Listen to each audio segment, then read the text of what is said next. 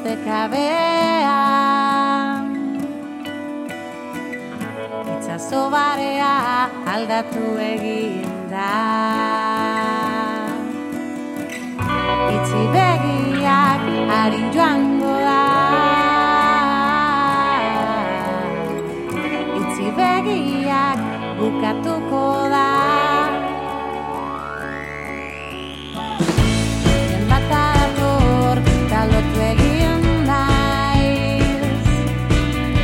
Es el tema en bata de Sean Mais. Estamos con Juan Manuel Echevarría Ayesta. Publica el segundo tomo de Mitos y leyendas de la zona del Gorbella, una investigación etnolingüística que recoge 450 mitos y leyendas de 23 pueblos. Juan Manuel Echevarría es doctor en Filología Vasca, miembro del grupo Etniker Vizcaya de Etnografía de José Miguel de Bareindarán, profesor titular de Filología Vasca en la Universidad de Deusto, miembro correspondiente de Euskaltzaindia y autor de dos extensos volúmenes sobre los mitos y leyendas de la zona del Gorbella. El primer tomo es el resultado de sus investigaciones entre 1975 a 1995 recopila unos 200 mitos y leyendas de 10 pueblos y el segundo tomo se publica durante estos días en el cual pues hay un añadido de 450 leyendas más. Estudia la parte etnográfica y por otro también la lingüística del euskera de la zona del Gorbea. Le damos la bienvenida a Juan Manuel Echevarría y está. Juan Manuel Gabón. Gabón. Bueno, pues un trabajo de años, fíjate, estamos hablando desde el año 1975, inclusive igual antes. 40 años, 40 años de trabajo. ¿eh? Sí. Bueno, y un año importante, el del año 1975, en el que ya formas parte del equipo Etniker. Sí, eh, José Miguel Barandierán, claro, iba avanzando en edad y entonces eh, para hacer el atlas etnográfico de Euskal Herria, pues fundó los equipos Etniker en las diferentes provincias. Y entonces a mí, pues Ander Manterola me introdujo en el equipo de Vizcaya y pues eh, ahí conocí a Barandierán, tenía 86 años y él nos venía desde Ataun al seminario de Derio, a la biblioteca, a explicarnos cómo teníamos que hacer el atlas ¿eh? etnográfico y luego pues eh, compartíamos con él la comida y un día de estos le conté una leyenda que a mí me había contado un vecino de chaval y le impresionó tanto que me dijo, ¿dónde has recogido esa leyenda? Y yo le dije, pues no la he recogido, me lo ha contado un vecino y sabe muchas más. Y entonces él nos interpretó esa leyenda según comíamos y yo vi que tenía tanta importancia y él me dijo, oye, pues esto tenéis que grabar, transcribir y tenemos que publicar en la revista Endiker. Y así empecé esa historia de los dos tomos el año 75 pues con barandieras en el seminario de Derio. ¿Qué leyenda era esta? Pues eh, brevemente, la leyenda es la siguiente. Me la contó eh, Simón Goyoaga, un señor de Cianuri, murió hace años, ¿eh? Era de Piñaburu, de Cianuri, pero estuvo en Orozco sirviendo en una casa y luego de ahí pasó al seminario de Castillo de Javitia, a Arcea, de empleado, y ahí se casó a Ceberio, era vecino mío y murió pues, pues siendo vecino mío, y ese me contó la leyenda. Eh, y digo esto porque la ficha es importante, por dónde ha andado este señor, porque luego para un lingüista es importante los diferentes, eh, las diferentes influencias de los diferentes pueblos donde ha vivido. Y este me contaba una leyenda que él la recogió en Orozco y es la siguiente. Dice que un señor rico hizo una ferrería nueva y cuando fue a echar a andar la ferrería no se movía. Y entonces alguien le dijo, ¿por qué no consultas a la señora de moto a ver por qué no se mueve la ferrería?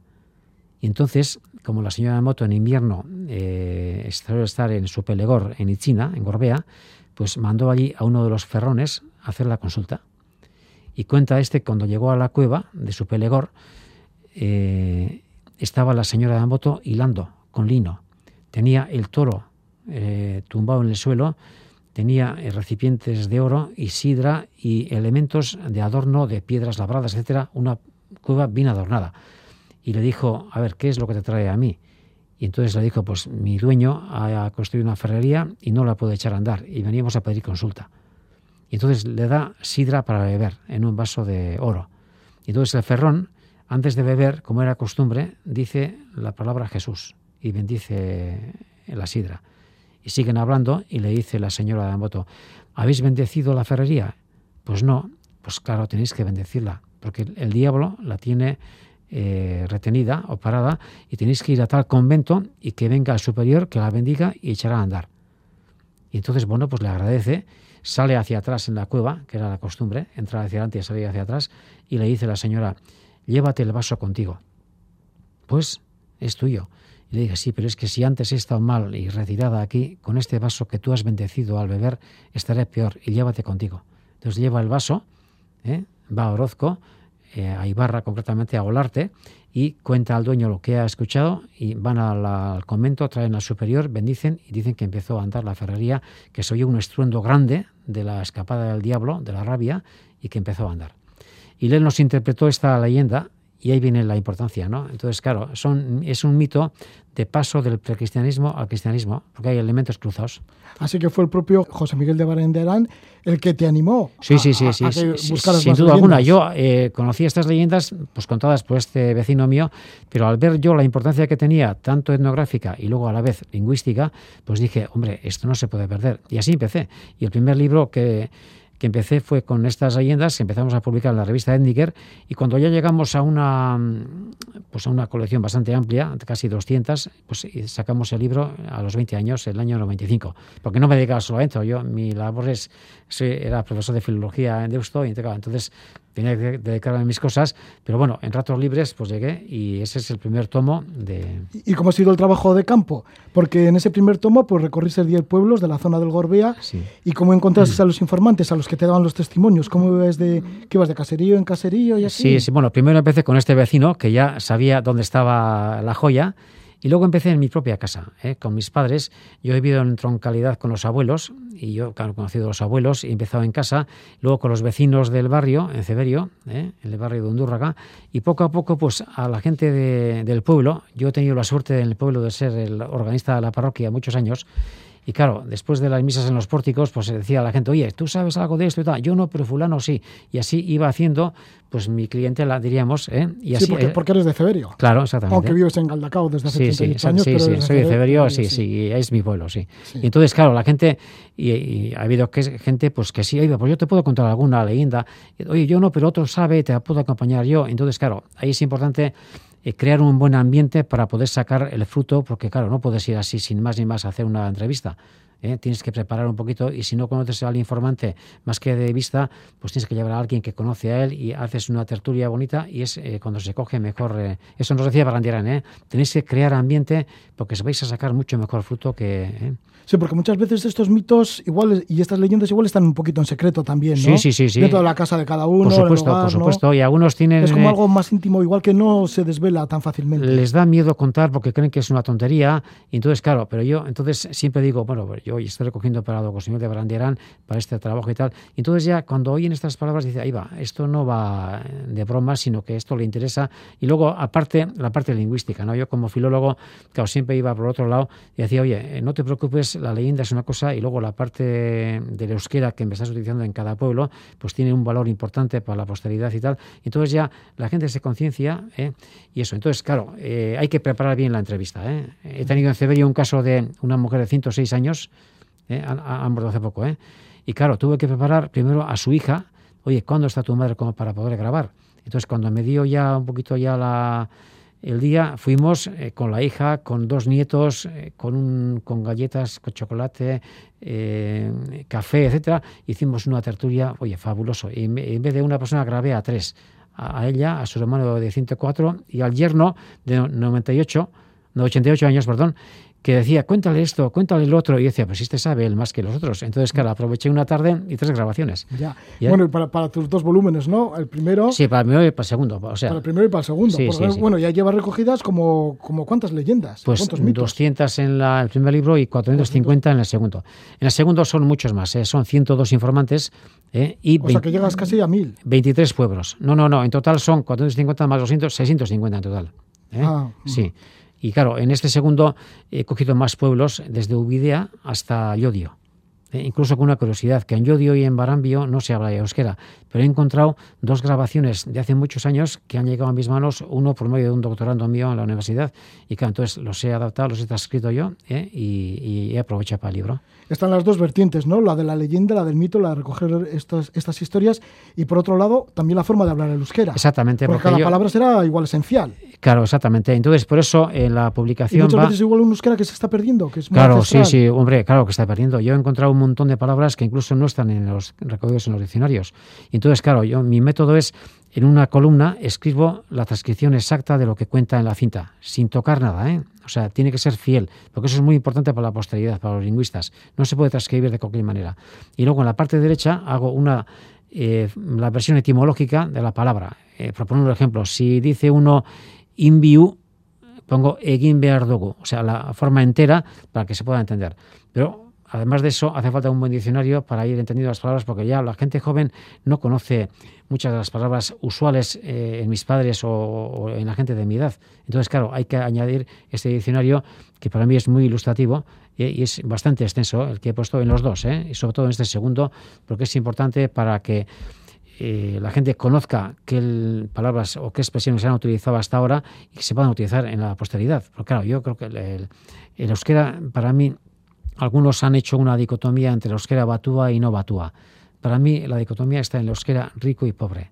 Y cuanto más rico sea, sea venga de donde venga, eso es lo que interesa y para la posteridad es lo que va a, a perdurar.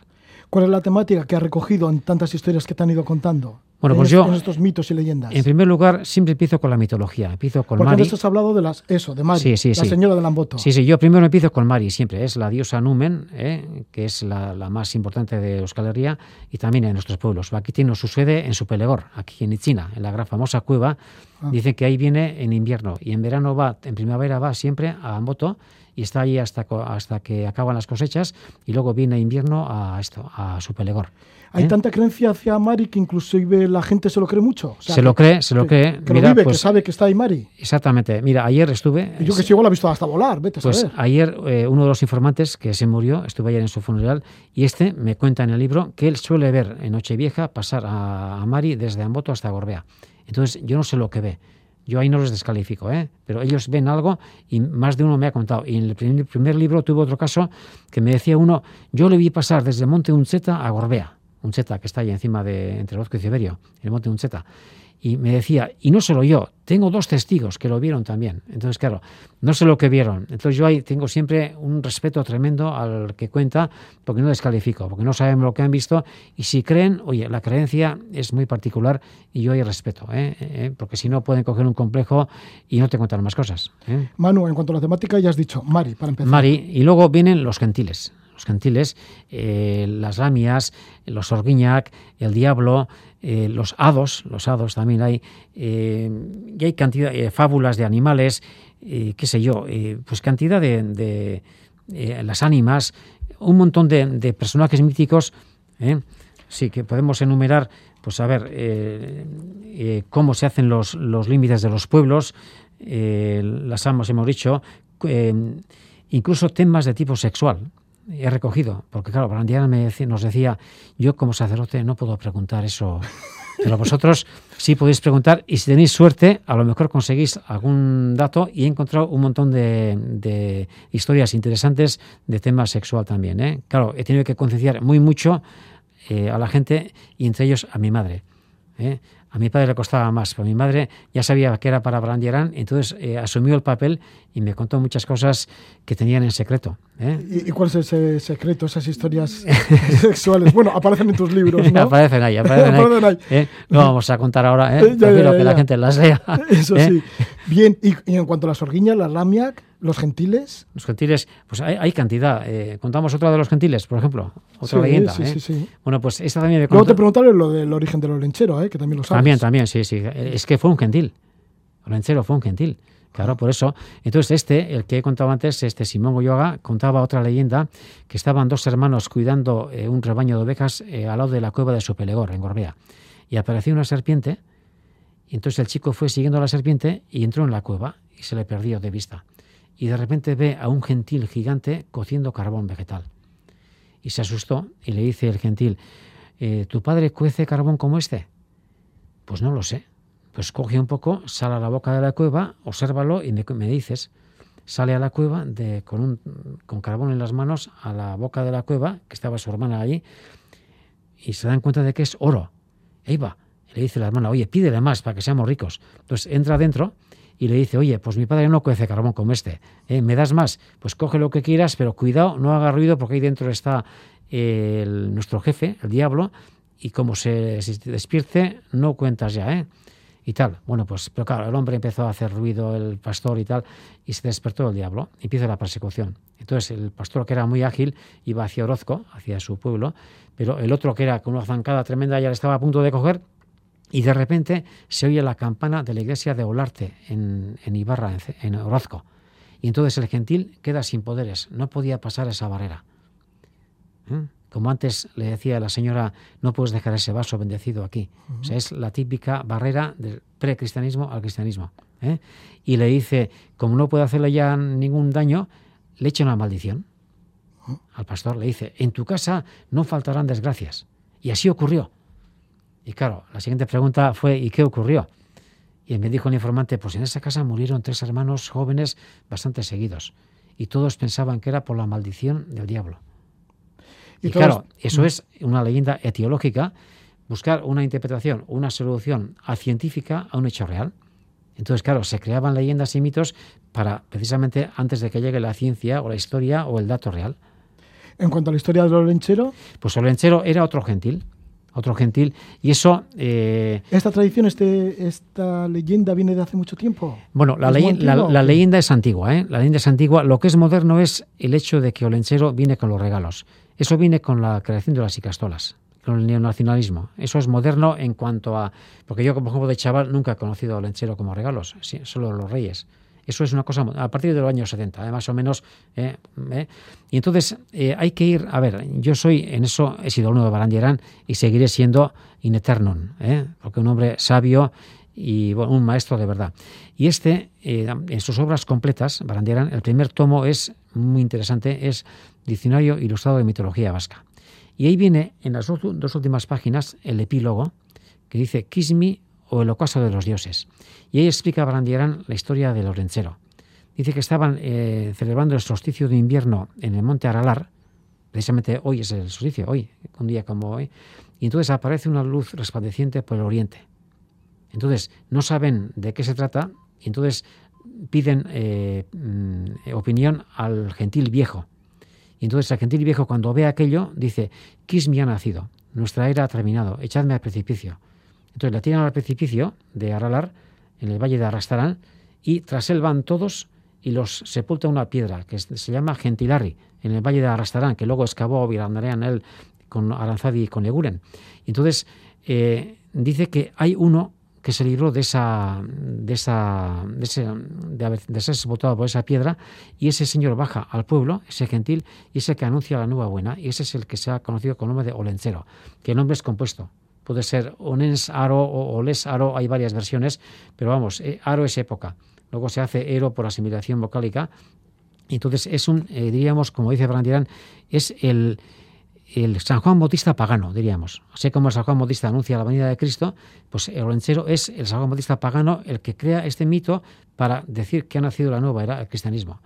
Y de ahí a lo que están haciendo ahora con el olenchero, con la novia, etcétera, yo ahí ya eh, creo que Ya, el mito se va agrandando, ¿no? Sí, han ganado, pero se está, se está desvirtuando y yo creo que hay que respetar a, a Barandierán y dónde partió este mito y creo que hay que ser serios en ese sentido. Yo como filólogo y como eh, hombre de ciencia, de letras, eh, no sé, hay que respetar, hay que respetar y, y citar a los autores y no hacer alegremente cualquier tipo de, de variación, porque eso nos llevaría, imagínate que ahora los Reyes Magos nos vengan con tres novias, por ejemplo, pues sería ridículo, ¿no? Pues oye, es que... ¿eh? Sí, Aita Baranderán, que justamente hoy se conmemoran los 25 años de su De muerte. su muerte, exactamente. Iba a cumplir 102 el día de Nochevieja y murió el día de Santo Tomás, eh, pues 101, casi 102 años. Hombre. O sea, mira, que esto también tiene un poco de magia esta entrevista, ¿no? Porque Pues por supuesto. por estás supuesto. hablando del solsticio, de, del Olenchero, el origen del Olenchero justamente hoy. Sí, También, sí, sí. pues, estamos hablando tanto de, del padre Baranderán y su gran labor que ha realizado. Tú eres uno de los discípulos, me imagino que uno de los discípulos más jóvenes que tuvo, que justamente también murió tal día como hoy. Sí, sí, sí. Y luego, claro, el otro maestro mío ha sido eh, Coldo Michelena, que hice la tesis doctoral con él, eh, Severio en la estrequeta endolingüística, o sea, el estudio endolingüístico de euskera de Severio.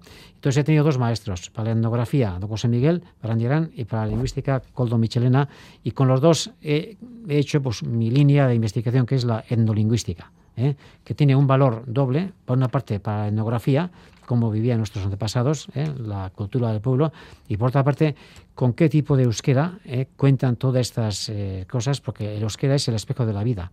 En el euskera, en la lengua queda reflejada todo lo que, todo lo que estamos viviendo cada, en cada época. Por ejemplo, el verbo formatear está en vida desde que han aparecido los ordenadores y así vamos haciendo palabras y algún día algunas se perderán, otras no, pero la lengua es el espejo de la vida. Y por eso es importante la lingüística también. Juan Manuel, ¿y hay alguna de estas leyendas, de estos mitos que, que has ido recogiendo, que en el momento que te lo han ido contando te has quedado como, como que te has trasladado a, tiempos antiguos? Por supuesto. Porque te ha impresionado mucho la historia. Por supuesto, este, las que me contaba este Simón Coyoga es que, vamos, eh, te, lleva a la, prehistoria, ¿eh? o sea, al precristianismo y entonces, claro... Eh, Porque la mayoría serán de esto, ¿no? Paganas. Sí, sí, son paganas. Lo que pasa es que, claro, yo he descubierto una cosa importante. El euskera se ha escrito muy tarde. El primer libro escrito, nuestro libro, es el siglo XVI. Y, por ejemplo, Homero escribe en el siglo VIII antes de Cristo, la Ilíada. Son 24 siglos de diferencia en cuanto a escritura de libros, por ejemplo, ¿no? Entonces, ¿qué ha pasado aquí en Euskal Herria? Que la tradición ha sido oral. ¿eh?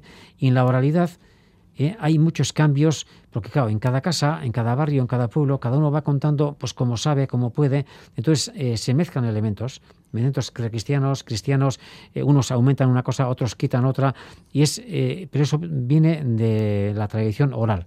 Si esto se hubiera escrito hace muchos años, la gente hubiera conocido las leyendas tal cual, como el mito de la caverna de Platón. La escribió y ahí ha quedado. Pero claro, si no se ha escrito, la gente va variando, entonces eh, todos no son, mm, es como, como un chiste, no se cuenta siempre igual. ¿eh? Entonces cada uno pues tiene su... ¿eh? Y por eso es importante saber que nuestra transmisión ha sido fundamentalmente oral.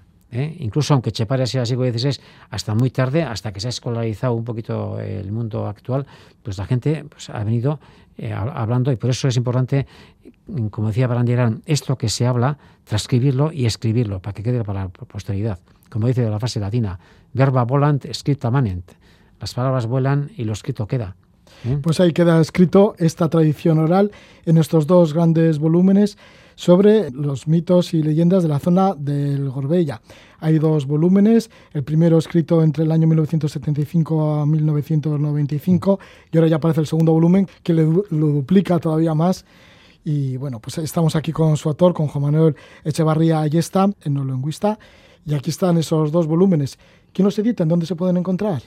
Bueno, el primero está agotado ya, ¿eh? está agotadísimo, porque, y el segundo, eh, Euskal es el que está distribuyendo. ¿eh?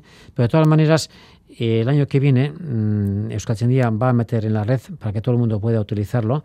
Y también me han dicho que la Bairu también va a meter esta parte mm, el primer tomo también en la red para que la gente pueda utilizar y, ser fruto para todos. Pues muchísimas gracias por estar con nosotros. Sorionak eta urte berrión. Sorionak eta eskerrik asko. Un fuerte abrazo, Manu. Bardin. Pues despedimos el programa, lo vamos a hacer, además muy apropiado, con un villancico y música además hecha con mucha calidad y con mucho, con mucho detalle. Es la música de un mama y un disco titulado Eguberri. Que disfrute de la noche, Gabón.